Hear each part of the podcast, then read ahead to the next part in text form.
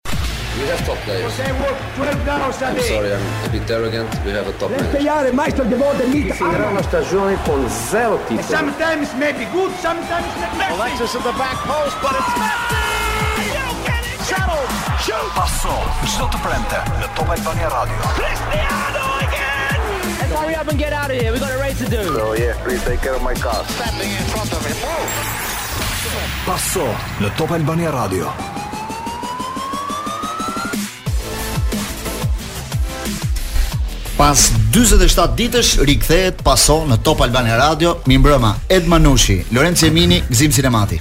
Mirëmbrëma Glen, mirë se gjetëm. Mirëmbrëma Glen, mirëmbrëma miq, rikthehet paso Egër si jetë. Dhe shyqyr që më në fund u mblodh grupi për të për të folur me njëri-tjetrin edhe për t'i ndihmuar ata që na ndjekin me informacionet më të fundit sportive për tema të ndryshme, pasi ka qenë një verë shumë e nxehtë me një merkato ku janë shpenzuar 4.5 miliard euro, shpenzime pafund nga të gjitha anët, lojtarë që lëvizin, trajnerë që largohen. Dhe në fund pastaj ne pse pse do pse do ta ngresh këtë dialog me Gëzimin? Pse këtë e miliardave? Pse më pëlqen?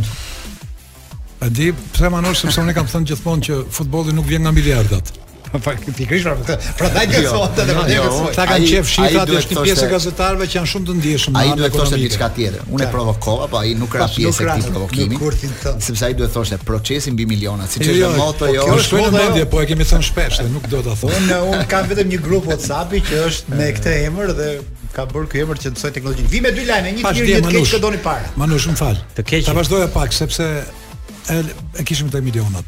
Ka dhënë një intervistë Mbappeja tek mm. New York Times dhe thoshte në hyrje, ai nuk jep intervista sidokudo tha. Është shumë i kontrolluar tha, ka filluar tha që tani në media kontrollojë domethënë se ku do japi, ka një anturazh shumë të madh, person e imazhit, person e medias të, edhe po nuk ka ç'i bëjë thotë, është aq autoritar New York Times sa ai nuk ka ku shkon. Edhe ai titull e kishte që nga shkoj unë shkojnë parat. Edhe m'u kujtua ajo që kemi thënë ke Pasoja. Ai mund të jetë rekordmen për parat. Pa po ai përpara ka Zidane, ka Platini, ka topat e artë. Përpara se ty rekorde me atë, ajo pas e dalim te teoria jote, Pasioni me milionat. Tani pavarësisht kontrollit të frikshëm që ka Mbappe, një miku ynë, të cilin do ta them emrin pas pak, ka shumë mundësi të bëjë me të një bisedë virale nëpërmjet këtyre rrjeteve TikTok që janë këto. Bëhet fjalë për Kostën, Kostandinin. Me Mbappe. Ai vetëm frëngjisht me vetëm Mbappe. Kosta, vetëm Kosta. E kontakton atë gjithmonë natën dhe ka rrezik në Kështu i kishte thënë. Ka dy lajme, një të mirë dhe një të keq. Kë doni të parë se më shqetëson Mbappe. New York Times, New York Times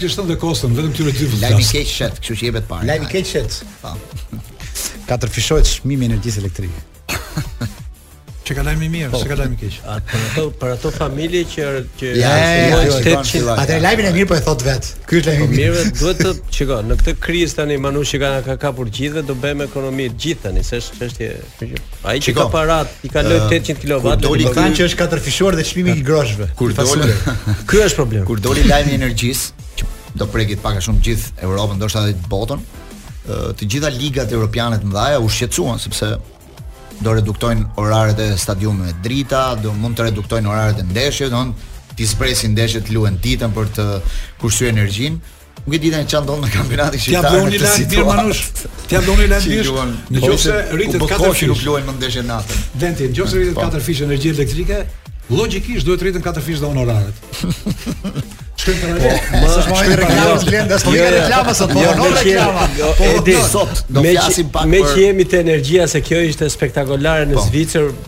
me me ligjin e ri që kishin nxjerrë që kush ngrohet me temperaturë më lart se 19 gradë, mm -hmm. do dënohet deri në 3 vjet 3 vjet. Imagjino po të kishte ndodhur kjo në Shqipëri çfarë do të ishte. Mendo çfarë, do ishte një revoltë e paparë. Do flasim për impaktin e mbretëreshës Elizabeth në sportin botëror në këto vite të mbretërimit të saj, do flasim për merkaton që u mbyll në Europë për lëvizjet e shumta për Champions League-ën, ka patur një ndrim trajneri të befasishëm, siç ishte largimi i Tuchel, Tuchel, dhe ardhja e Graham Potter, që quhet ndryshe edhe mbreti, uh, magjistari Potter, duke iu referuar Harry, Harry Potterit, Potterit po. që do marrë tani drejtimin e Chelsea, do flasim për Lewandowskin, ka një debat në Spanjë, është bërë një debat përpara dy ditësh në lidhje me Lewandowskin, sepse tifozët e Realit të Madridit thonë që uh, Tifozët e Barcelonës u janë errësuar sytë. Nuk e paskan parë Lewandowski më parë. E njoftën tani 30 vjeç, domethënë 34 vjeç sa është tani. Por gjove emrin, kështu që i Lewandowski, më thuaj si thon spanjollët. Lewandowski, Lewandowski, Lewandowski. Kështu që për të gjitha këto do flasim vetëm pas pak. Në kampionatin shqiptar ndërkohë po luhet një ndeshje në këto momente Teuta Kuksi 0-0. Minuta 27.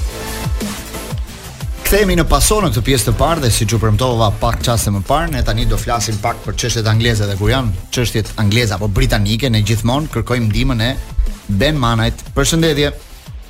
Përshëndetje. Si si po përjetohet kjo kjo ngjarje që goditi Anglinë pra, ose Britaninë tani mund themi në në këto 24 orë është reflektuar shumë dhe tek sporti. Sot Premier Liga mori një vendim që nuk do të ketë ndeshje fare gjatë fundjavës. Shiko, është e vërtetë është një shok në sistem, do të thoja, si thonë anglezët, dhe është pak e çuditshme të flasësh për mbretëreshën në të shkuarën.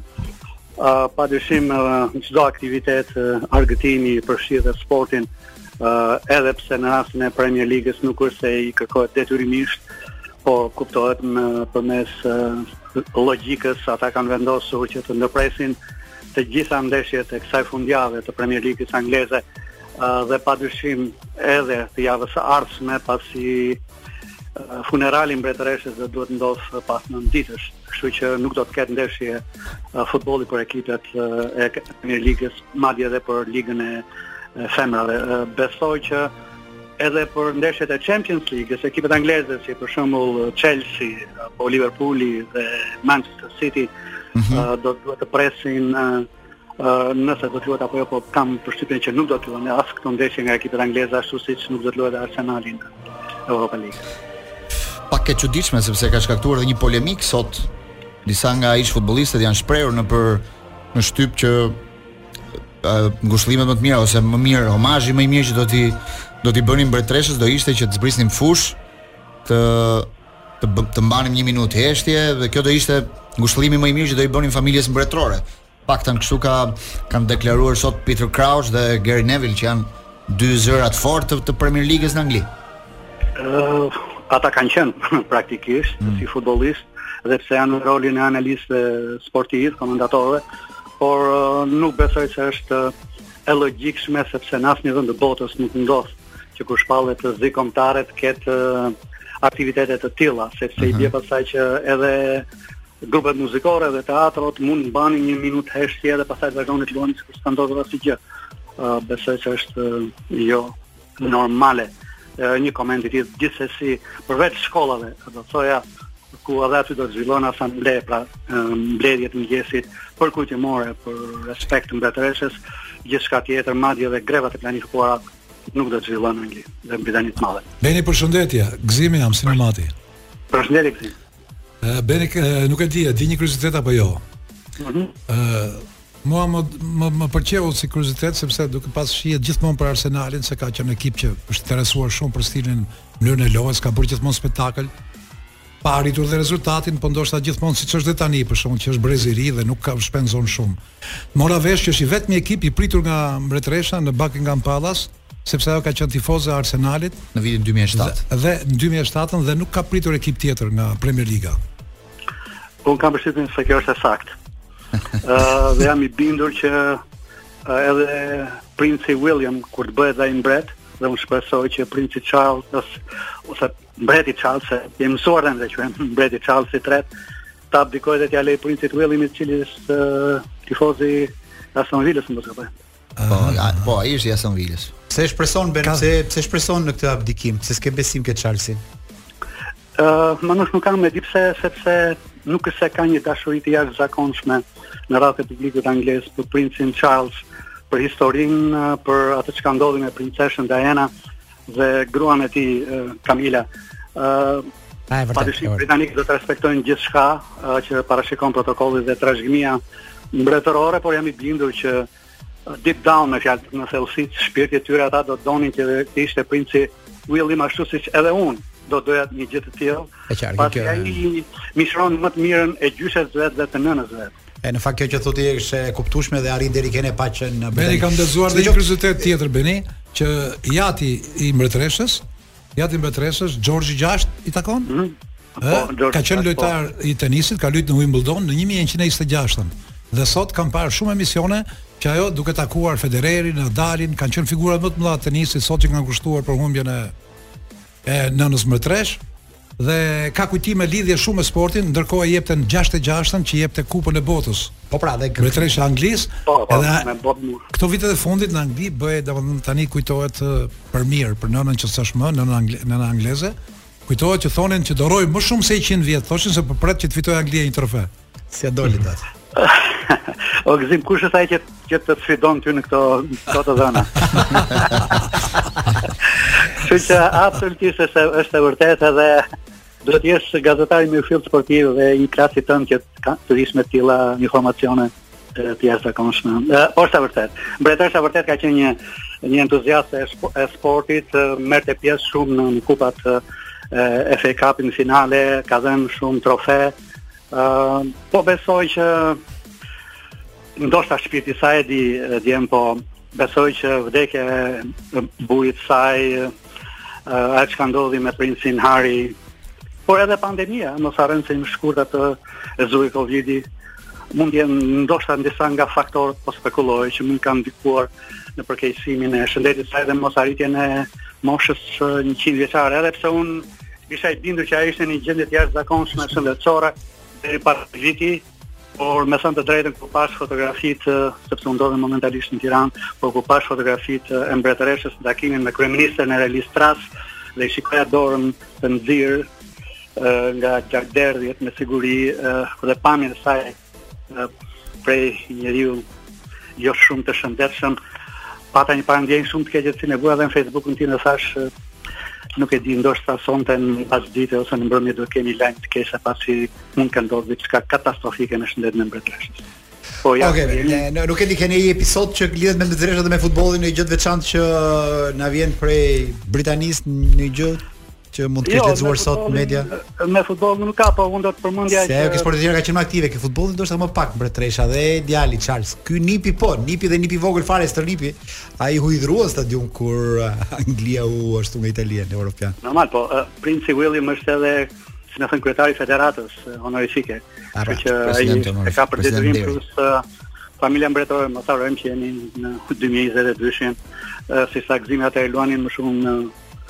Nisin tani është futbolli loja e botës. Por do të thoja vetëm një, një fakt që uh, një nga shoqatat më të mëdha të komunitetit shqiptar në Britani të Madhe, Shpresa Program, është e vetmja e cila ka marrë çmimin e mbretëreshës. Edhe çuditërisht askush nuk e përmend. Po, oh, shumë bukur. Uh, ata kanë takuar uh, edhe mbretëreshën uh, për kontributin dhe punën e tyre vullnetare për të ndihmuar komunitetin shqiptar. Okej. Okay, Falenderoj Ben për këtë lidhje. Ne jemi në kontakte dhe për ndoshta në proces për gjërat më të fundit që mund të kemi nga nga kjo ngjarje e trishtë britanike por botërore. Uh, Manush, unë jam deri më datë 21 në Tiranë, kështu që jam në dispozicionin tuaj me kënaqësinë absolute. Okej, okay. Robert. Thanks, thanks. Ah, tash mirë, thanks. Po, mirë, mirë atë. Jo, për të qëndruar pak te kjo, tek ngjarjet që lidhin Elizabetën, mbretëreshën e Anglisë me me futbollin, mos harrojmë që ajo ka dhënë një herë trofeun e Kupës së Botës në 66 po, kapiteni Bobby Moore ja dorëzonte ajo trofeun Jules Rimet. Dhe ka një fakt interesant sepse disa kohë më vonë shokët e skuadrës tregonin që Bobby Moore në atë moment ishte shumë i kishte shumë emocione se do të takonte mbretëreshën dhe nga fusha që ishte me baltë, ai ishte bërë pak me baltë dhe duart i kishte me baltë. E kur u afrua afër mbretëreshës e pa që ajo kishte doreza të bardha të pastra dhe i fshinte duart te pantallonat e tij që mos bënte pis dorezat e mbretëreshës. Ishte dy arsye një ishte e vogël. Ndërsa kam lexuar këtë dhe thoshte fshinte një nga për mbretëreshën dhe një për kupën. Do ka për dy gjëra të shenjta. Ndërsa pranonte bal të botë, as ka mbretëresha. Për shumë vite tifozët kanë dyshuar që mbretëresha ishte tifoze me West Ham. Për çfarë si? Për shumë vite, nuk e di për për cilat arsye kanë, po mm -hmm. dyshonin shumë. Domethënë futbollistët dhe presidenti i West Hamit në një kohë pronari në atë kohë fliste që mbretëresha është me West Hamin, mbretëresha është me West Hamin. Pas shumë vitesh, bashkëshorti i saj, princi Filip, në një intervistë e pyet një gazetar, thotë, Është e vërtetë që mbretëresha është me West Hamin? Jo, i thotë ai s'është e vërtetë. Aty pas shumë vitesh ra poshtë kjo, ra poshtë miti. Ndërsa çështjen e Arsenalit e ka nxjerrë një futbollist spanjoll që quhet Cesc Fabregas. Në vitin që ata takuan Arsenalin, në vitin që mbretëresha takoi Arsenalin në në pritje, në pritje, ai e pyeti direkt dhe i tha, Kë je tifoze? Ajo tha me Arsenal, edhe kështu që ngeli tani nuk dihet nëse është e vërtetë kjo gjë apo jo. Nëse ajo e ka thënë për politesë. Por Fabregas po, thotë që në na vjen mirë Manushi që është shije mbretërore. Jo, jo. Tani që ajo çfarë ndodhi në atë takim? Çfarë ndodhi në atë takim? Sepse Arsenali kishte disa lojtarë që ishin mistrecë, domethënë në sensin e mirë, ngacmonin, bënin humor. Ishte një futbollist quhej Emmanuel Eboue, një mesfushor, i cili ishte pak bënte humor, kishte gjithmonë dëshirë të bënte shaka. Dhe Henry që ishte marrë me me kujdesin e gjithë skuadrës si kapiteni i ekipit, e porosit gjithmonë që shiko, të lutem, kur shkojmë atje do rrish drejt, ajo do flasi, ti vetëm do buzëqeshësh, do ulësh pak kokën, do japësh dorën, do bësh këto gjëra dhe i thotë gjithë lojtarëve këtë gjë dhe po të shohësh Thierry Henry, lojtari i po, ishte kapiteni i Arsenalit në atë kohë. E po të shohësh në gjithë momentin që shoqëron mbretëresha lojtarët e Arsenalit, ai shkonte nga radha dhe prezanton filani, mbrojtës, filani, sulmues. Kur afrohet tek Eboue, thotë, ia bën me shenjë, mos mos vazhdo, mos mos bëj ndonjë gjë. Po. Mos u bëj karagjoz. Ai thotë, i thotë, ai nuk mund të rrinte, ai thotë, zonja mbretëreshë, thotë, unë do ta lë futbollin, thotë. Ai u habit, pse?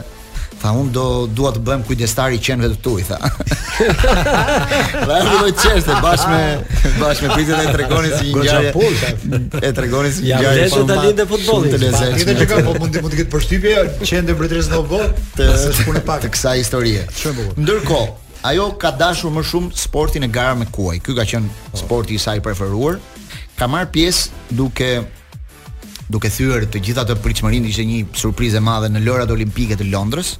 Qoftë se mban mend ceremonia e hapjes ishte bashkë me aktorin uh, James Bond, me tek filmi James Bond që bën atë hedhje nga helikopteri, por ajo nuk është se u hodh nga helikopteri, por ishte në një sekuencë gjatë Qa. gjatë hyrjes pra që mori pjesë edhe në këtë në këtë dhe thuhet që pika që ka qenë kyçe në në dashurinë e popullit për të, sepse monarkia deri në një farë kohë ishte shumë e mbyllur, ka qenë një dokumentar që ajo i lejoi BBC-së që të xhironte brenda familjes mbretërore. Aty ndryshoi e gjithë historia e PR-it të saj me me pjesën tjetër, me qasjen që kishte. Pastaj filmi Crown e bëri të famshëm më mbrapa. Por sidoqoftë, kjo historia që na tregoi pak më parë uh, i dërguar ynë në Londër Beni, Beni mm -hmm. ka mhm. shumë rëndësi sepse unë mendoj që ajo lë një lloj vakumi, nuk do ketë të njëjtin dashuri ka gjithë përfshirë se kjo ky djalë është një botë e largët për ne mbretërit. Nuk e kuptojnë mirë. Ka shumë njerëz që donin shumë sqarime se pse sot po qan gjithë bota.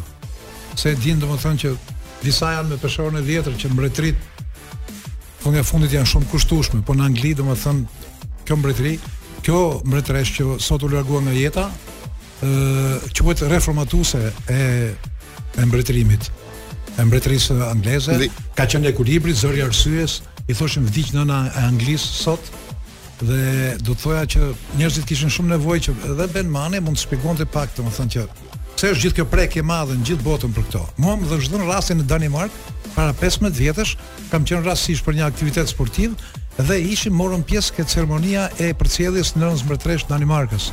Qartë. Dhe gjithë Kopenhageni vajti ke stacioni i trenit se erdhi një tren mbretëror që sillte të gjithë familjet mbretërore të Evropës. Ishte një ceremoni e jashtëzakonshme.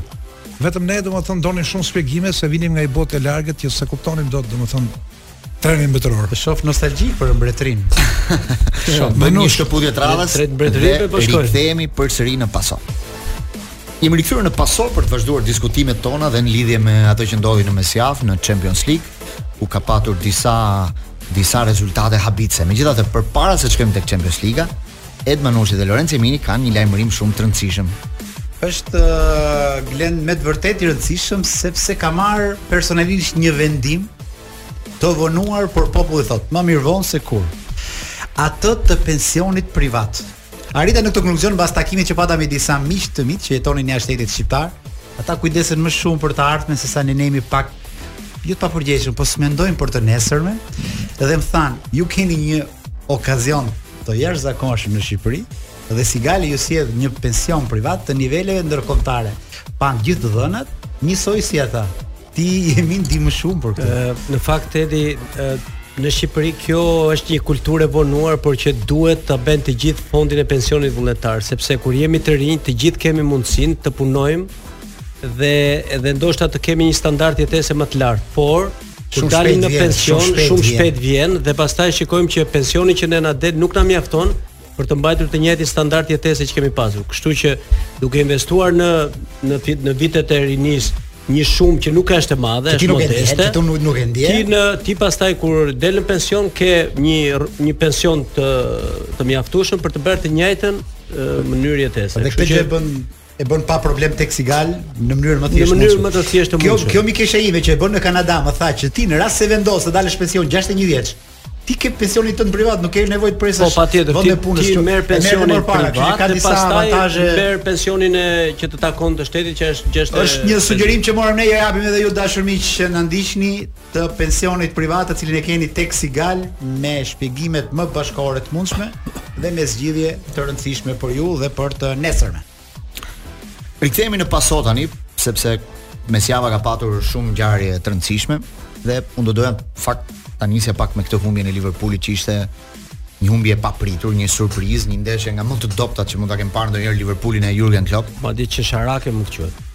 Po shikoj, po shikoj një golin e tretë në çështje ka bën fushë jo, lojë. Qesharake më kujtove një shprehje e palëvizshme. Lenci ti the qesharake po Klopp në intervistë skandalozonin të luan. Që Wolverhampton tha, ekipi jonë i radhës në Premier League, po të ketë parë ndeshjen thotë me siguri do të ketë qeshur. Biles kishte nga ata mos komente. Mos mos harroni që lajmi i shëndetit keq të mbretëreshës u dha pikërisht atë mëngjes. Se kanë ndikuar te Të mos di, edhe unë e pashë jo jo fare ta tysh në Liverpoolin në gjithë gjërat që bënte. Jo. Por po kështu i bie që City s'ka ndjenja, ka ndjenja vetëm Liverpooli.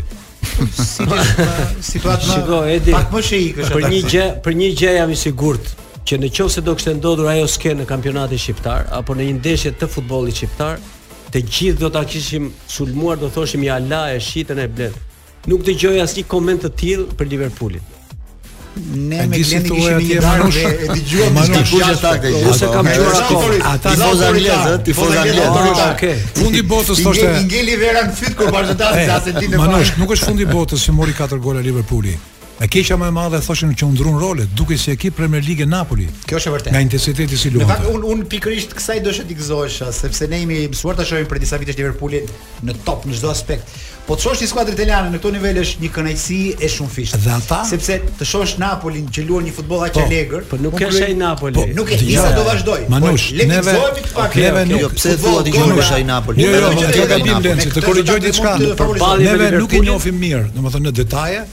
Por këtë që ndodhi me Liverpoolin me atë ka paralajmëruar Benitez. Kish thënë përpara disa kohësh, shikoni tha se Napoli sot është ekipi që rikuperon topa më shumë nga gjithë ekipet në Evropë. Dhe Napolin po ta ndjekësh ka një mënyrë loje tjetër, nuk ka emra të mëdhenj. Biles anglezët bënë edhe sarkazëm me Liverpoolin. Ju jeni i mundur tha se në fushë ishte edhe fantazma e Maradonës. Luanin dhe me emrin e stadiumit. Është vërtet kjo. Është vërtet kjo, është vërtet.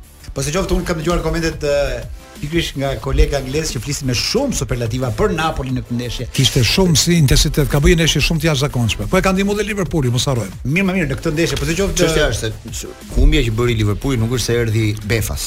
Domethënë Liverpooli ka disa kohë në këto javët e para të kampionatit, që po përpëlitet me rezultate. Domethënë po të shohim nuk bëri një ndeshje të mirë me Evertonin. Po, nuk është me Newcastle-n arriti ta kthej vetëm në minutën e fundit, domethënë mbrojtja ka filluar të fusë ujë, dy mbrojtësit e krahut nuk janë më të paprekshëm po, po ta shohësh. Edhe Van Dijk, edhe Van Dijk. Goditja e parë ka qenë Manush kur u largua Mane. Ka një teori që thonë që është prish harmonia në ekip. Lojtarët e Liverpoolit po mendojnë më shumë për botërorin. Po, në fund fundit gjithë lojtarët e mirë mendojnë për botërorin, jo vetëm lojtarët e Liverpoolit.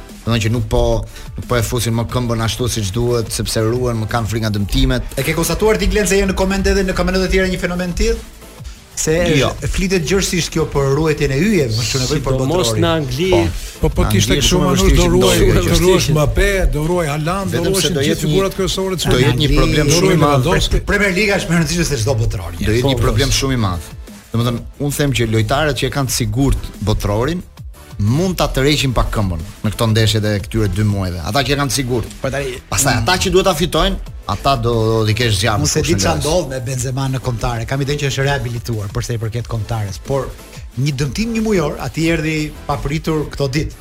Imagjino ndodhte kjo ku di unë datën 20 tetor. Ai është fat. Me thënë të vërtetë. Për këtë arsye do jetë një sezon atipik. Sepse luhet intensivisht. Dhe imagjinoni pak janë në qershor, ka mundësi rekuperimi, ka plane të tjera. Imagjinoni pak që shtyrja e kampionatit anglez çfarë ndodh tani. Sa e ngjesh kalendarin për Anglinë. Ata pak e kanë të ngjeshur vetë sepse kanë gjetur kompeticione. Imagjino tani që shtyhet një një javë një, bëhet një, një fundjavë pa bëhet një kaos total. Dhe ishte shumë interesante Manush. Krijon një vakum. Ata janë çdo javë interesante, janë 16 nesër çdo javë të frikshme që vijnë nga Ai jo, po shikosh edhe pavarësinë që kanë. Po Manush. Po ata qeveria angleze ia la në dorë Premier Ligës. I tha nuk marrim po, ne vendimin për ju, merrni vendimin vetë. Ju nuk jeni të detyruar për ta ndaluar. Me një zë që futbolli të ndërpritej Premier Liga. Kur ka vdekur i ati i mbretëreshës Elizabeth në 52-shin kur ajo është bërë mbretëreshë, në atë vit u ndalën disa sporte, po jo futbolli. Futbolli vazhdoi aktivitetin rregullisht siç ndodhte. Kjo është respekt i thellë që që kanë për uh, për mbretëreshën sepse për Charles Zalloy. Për t'u kthyer pak tek Liverpooli, mendoni që mund të jetë ndoshta një fund i një cikli Klopp Apo po ishte, shpejt për ta thënë. Po ishte ishte edhe një ndoshta bestytni ajo e shtata, s'e lexove shtatën? Jo. Shtatë vitet e Klopit, që vitin e shtatë Klop në çdo shtatë minuta të Manushi. Dhe shtatë për shtatë minuta të Manushi. Shtatë e shtatë. Të dalon.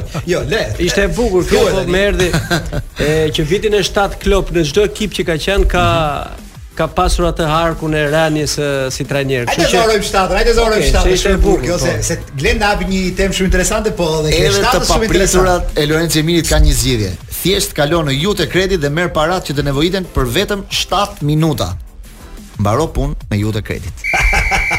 Më duket se edhe Klopp aty do shkojë. Jo, është kaftuar për të ditë, tani po. Jemi rikthyer në Paso dhe Gëzim Sinemati dhe Lorenc Jemini që vazhdojnë të diskutojnë me njëri tjetrin. Ne kemi disa çështje. Kishte një diskutim të rëndësishëm që diskutimi është i rëndësishëm sepse Lorenc Jemini është bërë i pandashëm nga kompjuteri i tij që vjen nga vëllezërit Fejzo dhe tani është duke shijuar një super futboll me një super teknologji që vjen në Korale. Na thua rezultatin që sjell kompjuteri magjik.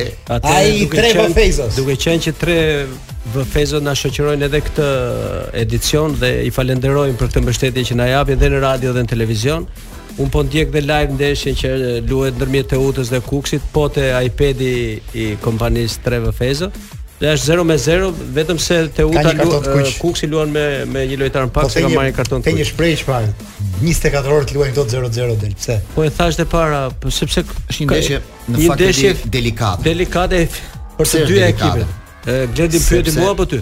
Mi pa mirë. Jo, ma jo, ma ma thuaj çë është një delikatesë. Po thashë të 0 me 0, po mirë ti e mbajte 0 me 0, rike 0 me 0. Po të dyja ekipet ah. vijnë, domethënë kushdo ekip që sot humbet, Jo Teuta sepse Teuta sapo e ndroi trajnerin, nëse Kuksi sot humbet ndron dhe Kuksi trajnerin. A në këtë aspekt që ti glen. Jo, unë do të thoja këtë. Po unë të mendoj misoj. Teuta e ndroi trajnerin. Po pra sapo. Tani në këtë ndeshje sot drejton Bledi Shkëmbi, që ka rimarr skuadrën edhe një herë siç e ka pas drejtuar më përpara. Situatën e kanë në krizë. Teuta nuk është në gjendje shumë të mirë. S'është ajo e më e mirë ashtu. Është në një krizë, domethënë rezultatesh. Në krahun tjetër është Kuksi. Ka ndruar gati gjithë skuadrën. Gjici i është përgjigjur Gegës në një far mënyre duke ia plotësuar pak a shumë dëshirat. Po ka dhënë një intervistë gjatë kësaj jave ku ishte shumë kritik me lojtarët më pak, po me stafin drejtues më shumë. Sepse Madje jo vetëm aq, por se ka pezulluar edhe zëvendëstrajnerin Peropeç. Sipas tij, me lojtarët që i ka dhënë në dispozicion. Këtu do të qëndrosh më pas. Sipas tij, Krizën e Kuksit e hiqën trajnerin. Jo, është bukur fare. Kush vetëm zëvendëstrajner. Kjo është emra i menaxherit skuadrës, drejtori sportiv, ai që ka bërë gjithë merkaton. Domethënë ai thotë un kam sjell lojtarë tani ku i kam ku i kam rezultatet. Dhe gjëja që po ka Po në media del që është larguar zëvendëstrajneri, nuk thotë është larguar menaxheri. Gjëja që ka Safet Gjici është që nuk ka durim. Nuk duroj dot thotë.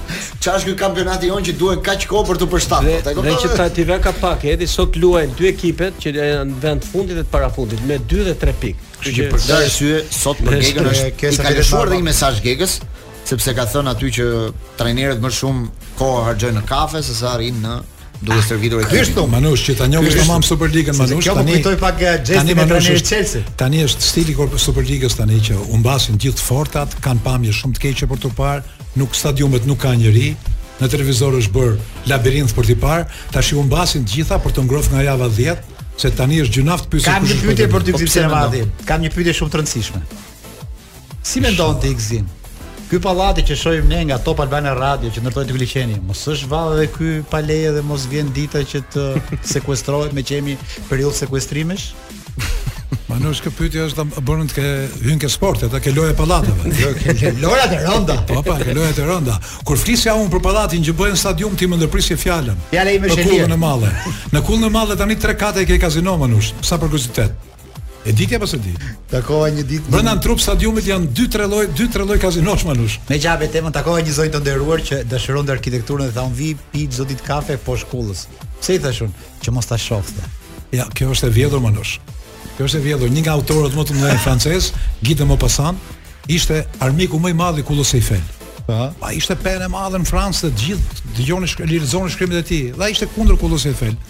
Një herë një nga shkrimtarët francezë e gjen në kullë Eiffel i tha ti, tha ti këtu tha ti nuk e meriton të pish kafe këtu tha ti shkon vend tjetër. Jo i tha unë e meritoj tha ti s'e meriton. Po pse tha? Vetëm këtu tha s'duket kulla Eiffel. E pra, vetëm po, këtu brenda, nuk e shikoj. Ky krahasim pikërisht të shkon ty, sepse kjo kullë e krahasoj aq bukur me kullën e Eiffel sa që mbas 100 vjetësh do tregohesh dhe ti si Barcelona. Manush, të tregoj, e di pse jam gëzuar kësaj kullës një arsye. Po rëndin që ka Manush, kulla, ai. Manush, një nga arsyet pse jam gëzuar që kulla është bërë në stadium, e di pse? Se ja në përgjithësi nuk e dua. Është një në Stockholm. Është sepse ne më përpara, ne më përpara ty. Kur kombëtarja kishte nevojë, nuk i mjaftonin 11 futbollistë, merrnin borxh dhe shqiponjën.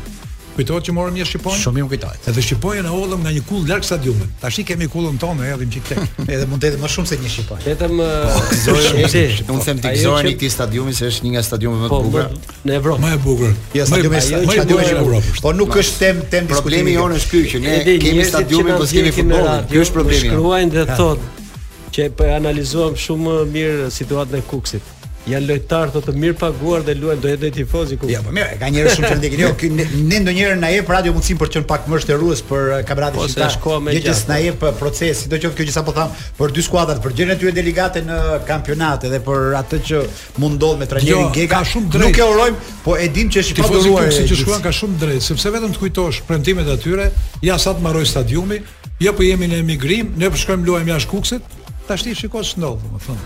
Në fakt të drejtë ata që kur do bëhet Kukësi, thoshë unë. Aeroporti mbaroi. Kam parë një ndeshje Kukësit nuk më pëlqeu shumë, domethënë mendova që do kolaudim ose do dojë kohën e vet. Elementet i kishin në fakt, po mos do vetëm pak kohë lënd Kukësit. Ekipet tona kanë një problem, duhet të kthehen aty ku ishin. Kukësi s'është më si vetja vet. Është e vërtetë. Edhe ekipet e tjera këtë punë kanë dhe Tirana është prekur. Kuptoj një skuadër që të gjithë ekipet janë prekur. Ka ndërruar mbi 90%, mos them 100%. Vazhdon kjo historia që ata stërviten 5 ditë në kryeqytet, sepse lojtarët e kanë shumë vështirë që të ikin të jetojnë në Kukës dhe pastaj në fundjavë kur është momenti i ndeshjes, hipin autobusit dhe shkojnë në Kukës. Domthonë, Qëndrimi i tyre në Kukës është vetëm sa ç'qëndron një skuadër që vjen luan nga jashtë. Kjo se s'e ka vetëm futbolli Manush po bëhet si volejbolli si basketbolli. Laçi bën stërvitje. Ndërtohet ekipi që do fitojë kampionatin dhe prishen të tjerët. O Gzim, të lutem, po këtu Laçi bën stërvitje në Kamëz. Ë Teuta bën stërvitje këtu ishin të gjitha ekipet e shpërndara larg qytetit, kështu që s'është Rasti Kuksit për Jemi rikthyer në Pasion në pjesën e dytë bashkë me Edi Manushin, Lorenc Jeminin dhe Gzim Sinematin, duke folur për ngjarjet sportive të javës dhe ato që do na presin, ato që po luhen live.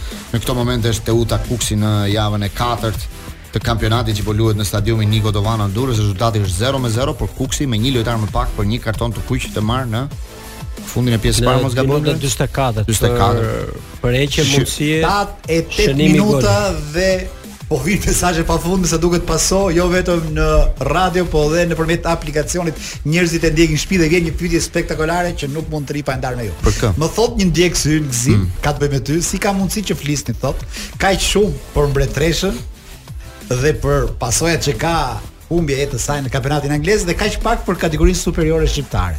Dhe kam idenë që vetëm ti mund ta bëjë. Është shumë e vështirë Manush. Do mundohem të jap një përgjigje që të ngushëllohem. Po unë mendoj Manush që Superliga ka kohë që ka ndruar jetë. Kurse mbretëresha është në një një ditë më parë. Kështu që merr rëndësi ngjarja. Dhe prandaj meritonte një minutazh. Besoj ishte përgjigje që i ka kënaqur dhe mikun tonë që ka bërë. Jetë mund të ketë kohë që ka ndruar po Edhe Manushi s'erdhi në ceremoni kur kur, kur i ndodhi jo. Superligës. jo, edhe për ta lidhur me me këtë e vërteton edhe pozicionimi që Superliga faktikisht ka marrë këtë vit. Pra cili kemi, është aktuali? Kemi humbur plot 10 vende në në renditje. Jemi në vendin e 49. 49 nga 55 federata. Domethënë, cili është vendi më i mirë për të, domethënë për të kuptuar jo, sa vende kemi rënë në disa vite. Ajo që duhet të sqarojmë është kjo që Për të përcaktuar këtë renditje, maten rezultatet e ekipeve shqiptare në Europë në 5 vitet e fundit. Kjo po. është cilësia që mat kategorinë superiore. Për shembull sot në këto momente Tregusi kryesor për Kosova, Kosova, që është unë them që është një kampionat më i dobët se joni në pamje të parë, domethënë po ta shohësh, është në vendin e 33 në Europë. Është 16 vende mbi ne. Pse? Se Kosova sot ka një skuadër që është në play-offet e në grupet e grupet e Conference League. Madje ishte kaloi edhe duke fituar me Dje ishte duke fituar me Clujin, po, pësoi gol vetëm minutën 91. Pse pse më i dobët në dukje? Se në fakt kemi disa vite që themi dobët. Po po se stadiumet i kanë më të dobët. Kanë bërë hapa të vegjël përpara, jo, jo, nuk kanë më të dobët. Diku s'ka shumë rëndësi se ka një koncept gabim. Stadiumet me vërtet kanë më të dobta.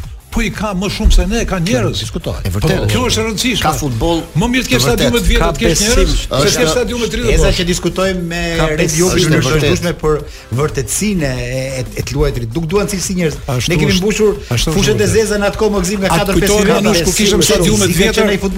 Kishim stadiume të vjetra, kishim stadiume të plot. Tani që kemi stadiume të rinj i kemi bosh. Edhe sot në Durrës, siç po shoh edhe nga pamjet, nuk është se ka shumë po, tifozë, është shumë vërtet. Është çështje besimi, nuk është po, çështje cilësie e futbollit. Ka disa kushte normale, domethënë për të qëndruar tifozët. Është gjithmonë më pak po vin, gjithmonë më pak tifozë. Jo, klubet kanë vështirësi ekonomike. Nuk e di, këtu është edhe një politikë e menaxhimit të situatës që nuk është shumë Shikoj çdo gjë, domethënë. Glen çdo gjë fillon nga besimi. Kampionati Superliga ka humbur besimin, besimin te tifozët, te opinioni sportiv. Ky ky është gjithë problemi. Jo, nuk është vetëm kjo. Jo, është, unë mendoj kështu. Ka cilësi shumë e rëndë mirë dhe se kemi përsëritur më shumë. Një herë për shkakun, e ke përsëritur shpesh që është çështja e besimit. Kjo është nga arsyet kryesore morale. Por një nga arsyet kryesore tjetër është Që ky mezi mbahet në këmbë, është kufom nga ana ekonomike. Është një futboll i raskapitur i lodhur, është në grahmat e fundit. Është në grahmat e fundit. Federata s'ka asnjë projekt urgjent për të ndihmuar klubet. Nga ana njëra anë thotë që kemi shitur të drejtat televizive, do fitojnë klubet dyfishe, nga ana tjetër thotë të hapen bastet janë lekë. Bastet është po ku do shkojnë manushë, disa lekë merr federata këtë rrugë këtë radhë do rriten pagat të ardhurat tona për drejtën televizive që do na japë UEFA do rriten. Ku shkojnë këto para kur nuk shkojnë ke klubet? Shkojnë për të bërë stadiume. Gzim.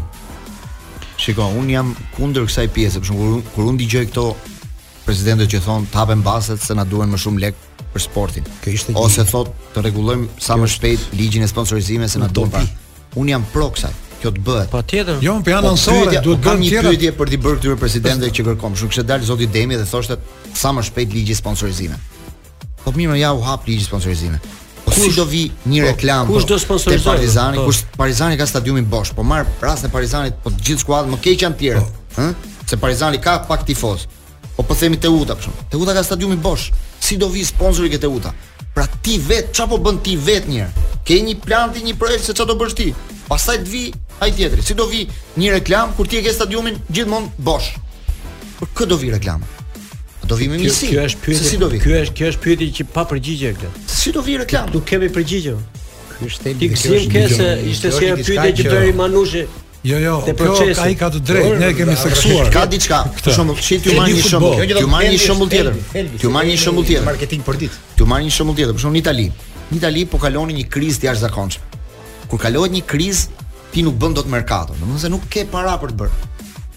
Këtu hyn në fuqi idet. Pra kur ti nuk ke mundësi që të bësh merkato se s'ke para, hyn ideja, ti duhet të bësh merkato me ide. Çfarë bën këtë vit Milani të paktën? Milani ka disa vite që po e bën. Napoli. Po zbulojnë talente, po shkojnë po gërmojnë. Milani 3 muaj me ble një lojtar, de Kateler. 30 milionë euro. Aq ishte buxheti më i madh. Milani po ka ide. Bleu Leao përpara 3 vjetësh, 10 milionë euro, sot është 100 ca milion euro. Por ne s'kemi pra, as ide as para. Ata po bëjnë me ide, dhe shih ça ndodh. Tifozi e percepton këtë gjë. Sot stadiumi i Milanit i ka shitur të gjitha abonimet. Po se Milani doli kampion. Po prit më një sekond, jo vetëm Milani, mirë Milani, po Roma. 40000 abonime. E kishte vite pa ndodhur. Lorenc i ke stadiumet plot. Janë të dytët në botë mbas Anglisë sot për idet dhe merkaton që bën. Po rriten dal nga dal, e kupton? Ka kalu Spanjën, ka kalu Bundesligën. Dhe kjo që thotë Glenti ka një shenjë pozitive. Po ta shikosh, domethënë janë mbushur dhe stadiumet më shumë se herët e tjera. Domethënë pra- është një lloj ringjallje. Pra do thotë që ata Edhe ka ardhur një moment që Italia është goditur si kombëtar. Edhe sot superiorja jonë duhet thotë, ne po lëvizim vëlla. I thotë kryeministrit, shiko çfarë po bëjmë.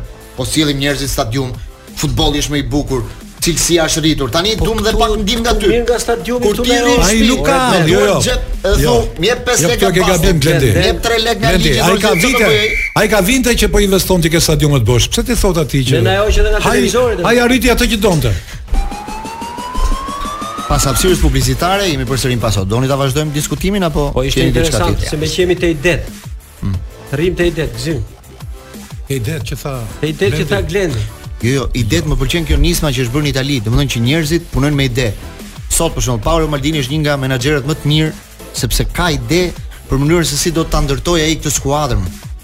Po të shohësh të gjithë lojtarët e Milanit sot që janë rritur po pse. Pse po i merr këto shokë ti tani se ti Nëse merr shembull për Italinë, po duhet të sjellësh vendin tonë. Vendin tonë ka njerëz që të kenë ide. Një shembull Italinë, sepse edhe ata ishin në vështirësi. Rama për politikën, flet vetëm Duka për futbollin, flasin vetëm ata të tjerë për punën e vet.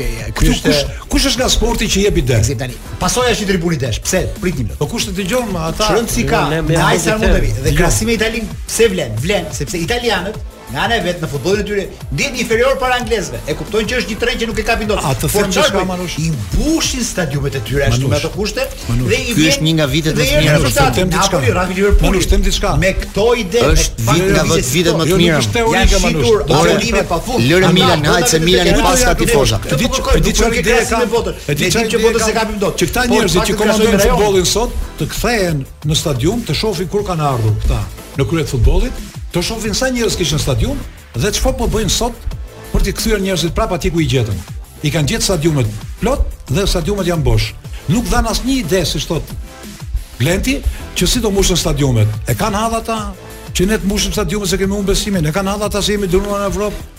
E kanë hall ata. Ky duhet të jetë halli i parë dhe nuk është rastësore që ne zbresim në vendin e 49 në Europë. Ai takoi me Ramën. Ne na kalon Lihtenshtejni, na kalon San Marino. Po jo që të futbollit më Lega Bastën.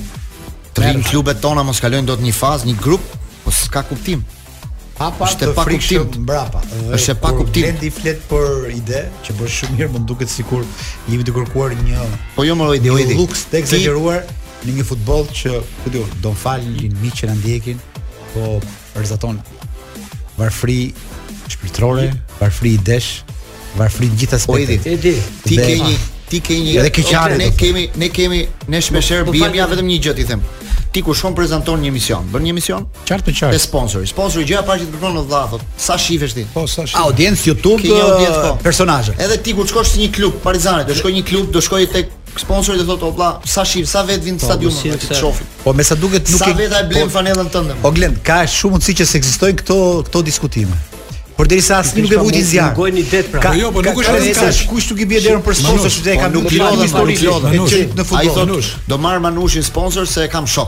për shembull. Po nuk e Do marr Lorencin një herë do vi shok edhe këtë vit. Do vi shok. Oksim më fal. Nuk kjo puna e idesë vazhdon këtu, se ky thotë për stadium, po jam s'e mbush Partizani. Nuk është çështja vetëm po stadium. Po jam ti kryeministrin e njeh shumë mirë. Ata që do bëjnë, ata që do bëjnë për për të për të bërë reklamën që do japë jetë reklamës, nuk janë vetëm stadium. Po jam ai. Është dha audienca. Ti kryeministrin e njeh shumë mirë, e di si funksionon. A mendon ti se duke i kërkuar ata lekë do t'i japi para këtyre kështu? I kanë lehtësuar jetën atij dhe institucioneve, për t'i thënë jo. Po, pra. Në rast se ti sot shkon, i bie derës dhe thua unë dua lekë, çdo njeri thotë jo, budalla largohu. Në rast se ti shkon me një dosje të madhe këtu brenda, po, e vure në vështirësi se minimumi ta lexojë. Manush të lutem. Do të po, them kjo pra, kjo është diferenca e madhe. Do të them diçka, Manush është shumë histori e bukur. Kur kam qenë gazetar në gazetën Bashkimi dhe kur u bënë ndryshimet politike, Një gazetar i vjetër i bëri një pyetje Sali Berishës, ta kam dërguar si histori? Jo, jo, jo, jo, jo. I bëri një pyetje dhe Sali Berisha i tha në sy të gjithë gazetarëve. Çfarë vitesh, çfarë vitesh? Po në altë fillimin e demokracisë, fillimin e demokracisë. Dhe i thot ai Sali Berisha, ç'është kjo pyetje kaq e bukur tha. Mos më ka bënë njeri pyetje më të bukur. Edhe i jep përgjigje Berisha atij. Po. E pyes atë mikun ton. Ku e gjete atë pyetje aq të bukur i thash, ti ta lavdëroi kryeministri? Ata ma dhanë tha dhe unë e pyeta. Tash ti edhe këta të basteve të dy i ka nxjerr vetë Rama. Edhe thot sa ide e bukur është kjo basta. Po Edi vetëm një diçka para se mos ta mos më kanë. E di e di ça më bën përshtypje. Un kam 20 vjet që merrem me sport në në Shqipëri. Profesional, nivel profesional. Ajo që më bën përshtypje të madhe është që si nuk është rakorduar infrastruktura, po themi që është shumë cilësore tani, me nivelin e kampionatit. Mbaj mend para 15 viteve, po them po marr shembull Peqinin, që ishte balta deri në gju, thoshte, dhe ishte stadiumi plot. Plot, a? si ka mundësi more? Tani stadiumet janë tapet bosh. Këtë e, ma, a, a kupton ti ta shpjegoj unë këtë? Kjo Nuk ka rëndësi si... sa i bukur është stadiumi, ka rëndësi sa i vërtetë është futbolli. Ky është morali. Na është bashkuar dhe Redi Jupi që sot pa përgjigje. Nuk është në studio me ne, por na ndjek. E kam gati pyetjen për Redi Jupi. Redi mirmbrëma Red. Mirmbrëma, mirmbrëma. Jemi në një diskutim është pak domethënë delikat, po do doja një përgjigje nga ty se Glendi thotë kemi rënë në krahasim me 10 ose 7 ose 8 vjet më përpara çfarë? 10 vende. Në klasifikimin e skuadrave europiane, pra nga 55 në total Kamp, që janë. Kampionati jon në në, në Europë. Kampionati ynë është në vendin e çfarë vendi ishte për 49. 49. Dhe vjen sipas rezultateve të 5 viteve të fundit të skuadrave shqiptare në Kupat e Europës. Por më duket që ka edhe ndonjë arsye tjetër, Red Jupi. E, jemi drejt realizimit të objektivave, për ta çuar për ta çuar në vend të 55,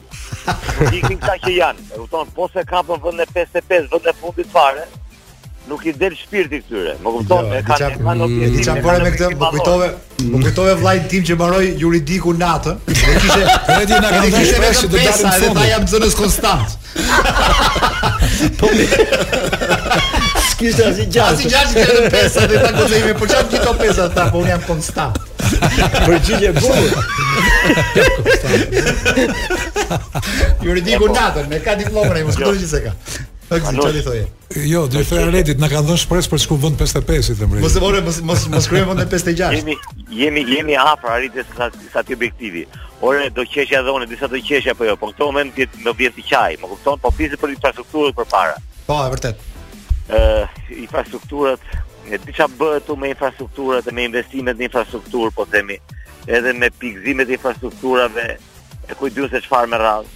Edhe ato, edhe ato që janë ne vetë trajtojmë keq dhe ato që janë.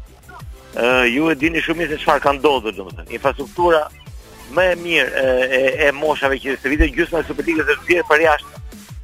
Presidenti i Federatës doli dje dhe tha që kryetari i bashkisë nuk ka bërë asnjë fushë me përmasa.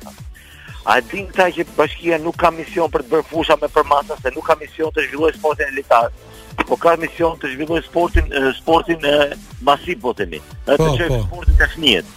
Jan bër fusha shkolla sa sa nuk janë bër asnjëherë. Unë nuk jam i kënaqur me fushat e shkollës që janë bër. Se duhet të jen bër trefish. Po Redi, Redi të po. lutem të bëj një pyetje. Po. Po këta kanë dhe një tjetër, një ngërç tjetër. Po kanë një federatë tjetër që harxhon lek për të ndërtuar stadiume, di një rast tjetër që merr pjesë federata si aksioner si firmë ndërtimi. Po ça fushë të re ka bërë federata për shkakun? Po fushë re, dikush është fushë re.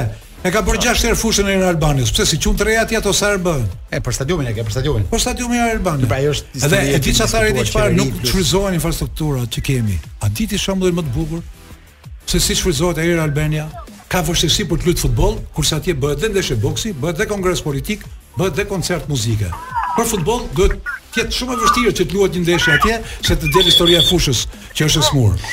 Ë desha të pyesja pak Redi edhe për këto po, bursa të reja të Futboll Republik, se po dëgjoj aty ekipet që po luajnë në këtë orë, duket se je ke Futboll Republik, çfarë ekipesh po luajnë? Tani po bëjmë një ndeshje, një ndeshje miqësore, është U13-a, U13-a jonë me U13-ën e Apo Bajramit. Atëherë duke parë me me këto ndryshime dhe vështirësitë që po kemi sepse na është bërë një dëm shumë i madh, të them të drejtën. E kemi diskutuar këtë dhe do e diskutojmë akoma. Ka një dëm, po do ta po unë nuk i ndahem kësaj, po ti s'ke diskutuar asgjë, ti s'e ke ide sa do merrem me këtë punë. Por tani janë të gjëra konkrete. Atëherë, ndërmorëm një nismë që U13-ën ne ta bëjmë me bursë për 16 lojtarë. Pra, Super. të filluar nga sot, ne do bëjmë seleksionime për 16 lojtarë të parë të U13-ës që do të jenë pa pagesë në Futboll Republik. Në mënyrë që t'i japim mundësi po themi këtyre fëmijëve që që të stërviten në kushte të mira, me metoda të mira, me infrastrukturë të mirë, me trajnerë të mirë, pra me gjitha kushtet e duhura dhe t'u themi këtyre që neve jemi këtu, neve do bëjmë atë punë që dimë të bëjmë që e kemi bërë në gjithë këto vite. Janë mbusur gjithë ekipet.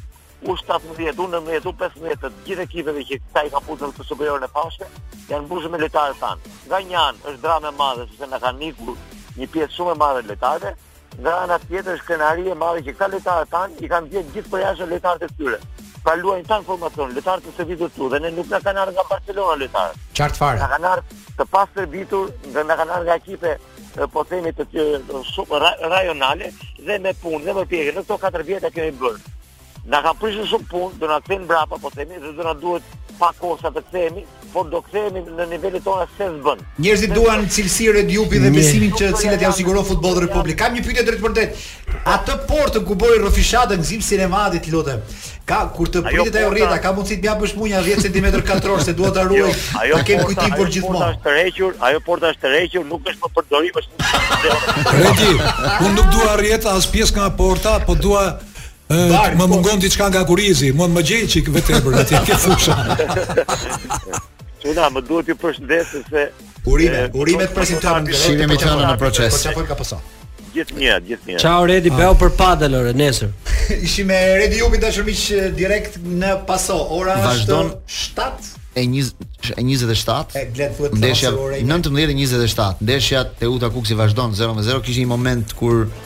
pretendoi skuadra e Teutës për një penallti, për një prekje me dorë, por arbitri dhe VAR-i vazhduan vazhduan lojën dhe ishte një moment që kaloi pra me sinjalizimin e VAR-it. Ka 10 minuta lojë, plus dhe koha shtesë në këtë ndeshje të parë të javës. Ndoshta Manush duhet të vlejmë të theksojmë dhe ndeshjet e tjera që do luhen po të kampionatit në këtë javë të katërt ku Nesër do të luajë Egnatia me Vllazninë në orën 3 dhe Kastrioti me Tiranën, po. ndërsa të dielën do të luhet Laçi Bylis dhe Partizani Erzeni. Në këto javë të para të kampionatit ka një ngecje të disa skuadrave që priteshin të ishin diçka më mirë, që është rasti i Kukësit, rasti i Tiranës, Në rasti Laçi, në fakt Laçi, la, po, rasti edhe Laçi është jo, edhe Laçi. Dhe Laçi ka bërë një premtim. Jo, edhe Tirana e pashë. Edhe Tirana bërë një premtim në rrjetet sociale skuadra Laçi ishte një status pak i çuditshëm, thoshte tani lojtarët kanë premtuar që nesër do bëjmë kthesën. Jo, dhe të them një diçka se se sa i çuditshëm është kampionati shqiptar dhe Superliga. Partizani që ishte ekipi më më në amulli, po them se hoqi trajnerin para mm -hmm. që fillonte kampionati dhe ka 3 ndeshje 3 fitore. Dhe ka bërë ndeshje shumë të dobta sipas trajnerit të vet që thotë s'jam i kënaqur po, fare. S'jam i kënaqur fare, se kemi bërë ndeshje të dobta.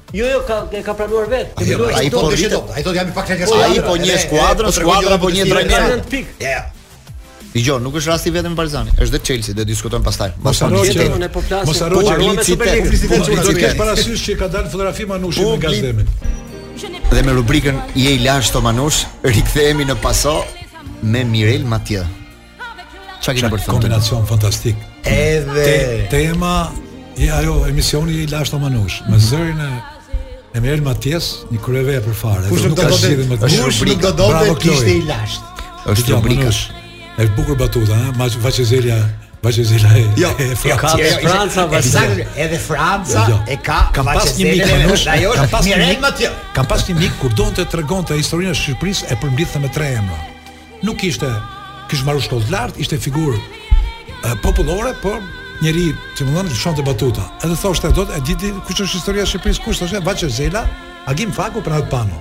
Sa perlë. Kurse po flet për muzikën në Francë, një nga emrat i shfrytëzuar përveç Edith Piafit është dhe Mireille Mathieu. Shiko tani çfarë bote çon, çfarë univers muzikë është. Ja sa bukur më shumë. Unë kur isha i vogël, më pëlqenin shumë flokët e saj.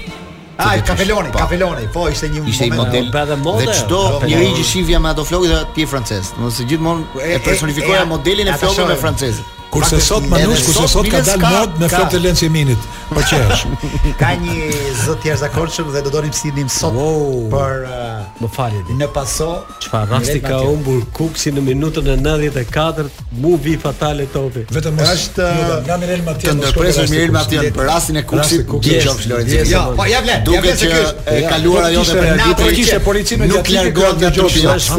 Në futboll, ju që jeni timon, na pëlqen futbolli bukur në pasim, na pëlqen restoranti, na pëlqen dhe muzika. Futbolli është preteksi ku, mos harroni. Restoranti Kishë vetëm një. Ulliri. Blej më lehtë. Nuk ka paçë në Ulliri. Eci. Eci se më shkatërruat. Jo tani, Kukësi me Teutën janë drejt fundit, ka edhe pak sekonda, kështu që vazhdon rezultati 0 me 0. Do doja të diskutoja pak me ju dhe largimin e Tuhel pra si trajneri i Chelsea, pra, sepse ishte një largim i çuditshëm. Domethënë pasi presidenti bëri 315 milion euro investime në pronari i klubit, se ata s'kanë president. Shto dhe 15 milion të Tuhelit në merkato. dhe mbas 6 javësh kampionat e shkarkon. Është një gjë që ndodh rrallë në futbollin evropian në këto nivele. Dhe nuk para ndodh. Sot lexoja që pak, nuk e di sa për qind, po pak gisht në këtë largim paska dhe Broja paksa. Ja. Paksa. E kishin mediat shkruar. Na pëlqen që të jemi kërthiza jo, botës. Ja, kishin prekur media. Paksa. Ai dëgjoj, ai s'është kërthiza botës, por është mos kërthiza botës. Ai thuaj Manush në koment. Për momentin. Ai njeri, domethënë, e mbajti Brojën. I dha pak minuta, Por ama insistoi që ta kishte tek Chelsea. Ishte nga ata që insistoi. Tani do shikojmë me tjetrin, tha si do i shkojë historia Brojës. Tani shohim që ke Chelsea është afruar një president, modeli presidentëve të këtyre që nuk kanë durim. Gjë që është e pakuptueshme në kulturën angleze.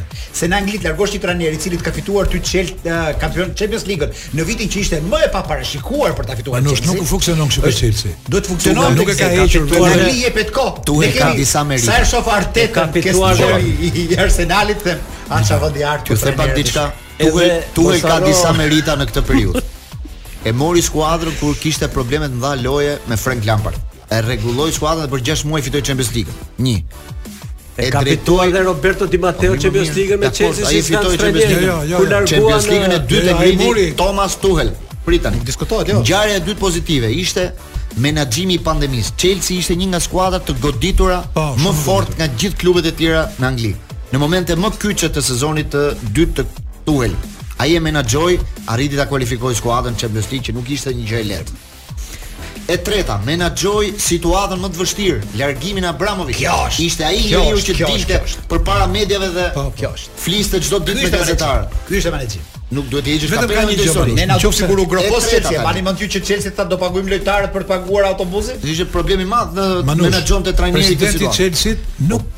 E besoj që është vendimi i tij për të hequr Tuhel.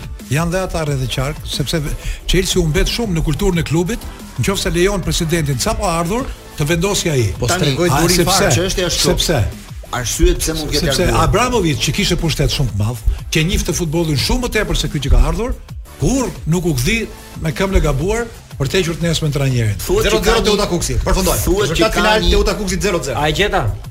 Pa që fillim. Ec Glen fal, fal Glen jo, po duhet të. Thuhet që ka një çështje Ronaldo, presidenti i ri i Chelsea, donte me patjetër Ronaldo në skuadër dhe Tuchel ishte kategorikisht jo. Në fund fitoi Tuchel, pra u tregua që trajneri fund, është njeriu që vendos për skuadrën. Në fund fitoi presidenti. Por presidenti nuk ja fali. Ka më fund se sa fundi. Nuk ja fali sepse me rezultatet që nisi i bëri. Nëse fundi është ky që merr 13 15 milionë euro. 13 milion pound. Pound pra 15. Edhe ikën ke shtëpia. Ky është një fund dolçe. Kështu do na Por unë mendoj që edhe ne kur ikim Gëzim kështu do na. Është vendi ideal për trajnerët. Tani ta them. Manush bëri një çik Artetën në stol ke Arsenali që ka vite, po, po dekada që po si bën. Po edhe super futboll.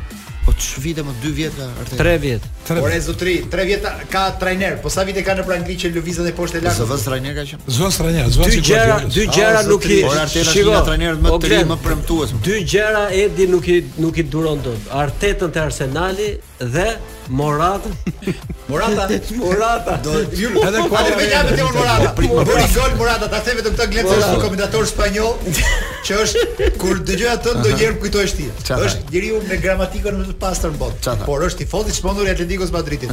Ditën që bëri gol Morata tha, "Gol, gol, gol El 9 de España." Dhe që kush është kjo nënta e Spanjës? Po. Morata. Morata. Po të se gërtet, gërtiste se ishte ke Atletiko. Kur del Morata kombëtare, fletë më kisë e mu. Mos, erdi Morata nuk së të pëndo.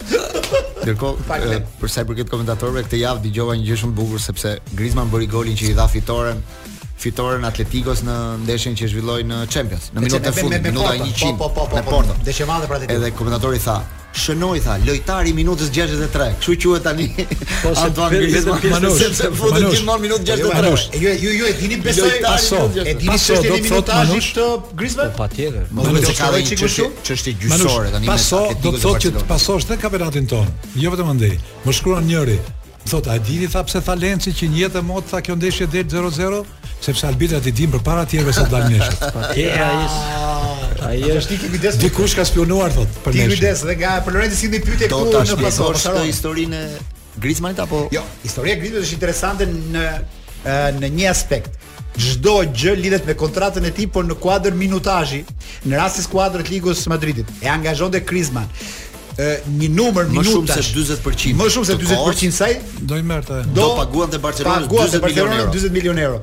Dhe janë në limite. Barcelona pretendon se është përdorur më shumë se jo, aq. Jo, Barcelona thotë kështu. Kjo kontratë ka vlejtur vitin e parë. Po. Domethënë, Vitin e parë ai ka luajtur më shumë se 40%. Kështu që për Barcelonën Atletico duhet të paguajë lekë tani dhe lojtari është i veti. Atletico thotë jo, thotë kjo kontra, kjo kjo rre ky rregull, po, kjo kjo në fuqi mbas 2 viteve. Domethënë edhe vitin e dytë të borxhit. Kështu që kanë një çështje gjyqësore që pritet tashmë tashmë është e hapur. Që ta zgjidhin. Tani Edhe më shumë nuk shkon në kombëtare me këtë minutazh. Për ta mbyllur pak dhe kombëtare funksionon. Për ta mbyllur pak dhe historinë e Tuhelit. Mm. Trajneri, domethënë nga një anë tifozët edhe janë kënaqur. Pse? sepse presidenti i ri i Chelsea ka marrë një trajner anglez, i cili ka një vizion shumë të mirë për futbollin, për projektin, për lojtarët e rinj. Ishte trajneri i Brightonit për të cilin ka paguar 60 milionë. Brighton në vend 4 në Premier League. Qartë. Ka dhënë shumë sukses me ekipin. 60 milionë euro për këtë trajner. 23 milionë i pagoi për të prishur marrëveshjen që kishte ai me me Brightonin dhe pjesa tjetër do jetë rroga e tij për 5 vitet e ardhshme. Thonë që është një trajner që ka vizion për të rinjtë, domethënë Broja mund të përfitojë nga kjo histori. Po të shohim se çfarë do bëjë deri në fund. Por i gëzohen fakti që është anglez, sepse shumë pak trajnerë anglez po triumfojnë dhe janë në treg të rëndësishëm në këtë moment. Mos pak, mo, mos vallë po hyjmë në një fazë të re ku trajneri gjerman nuk është më i modës. Gjithmonë moda e edhe trajnerëve që është. Ka Klopin më shumë se sa ke se sa ke këto tjerët. Klopin e mbaruan fare edhe me këtë. A nuk mbaruan fare. Okay, edhe Klopi kishte deklaruar që edhe unë mund të shkarkohem. Dhe Lorenci kthehet dhe thot për Gjini sa pyet dhe unë do të tregoj diçka në lidhje me Skënder Gegën. 3 minutat e fundit në Paso në këtë të premte të parë që jemi në transmetim në Top Albania Radio, po do jemi çdo të premte tani në orën 18 bashkë me gjithë ekipin tonë për të diskutuar ngjarjet sportive. Po ju thoja për Skënder Gegën, në momentin që mbaroi ndeshja, më bëri përshtypje, sepse ai është një trajner nga më të më seriozë dhe më po, korrekt. Shumë korrekt. shkon në mes fushës për t'u zënë me arbitrin dhe ndërhyjnë policat Kjo për ta frenuar. Nuk ishte një pamje shumë e mirë. Tensionin e lartë që ka ekipi i Kukësit bashkë me trajnerin. Do në 4 javë ka vetëm 3 pikë. O ka patur presion Skënder Gega ke Partizani, por bëri një standard në atë vit kur doli kampion.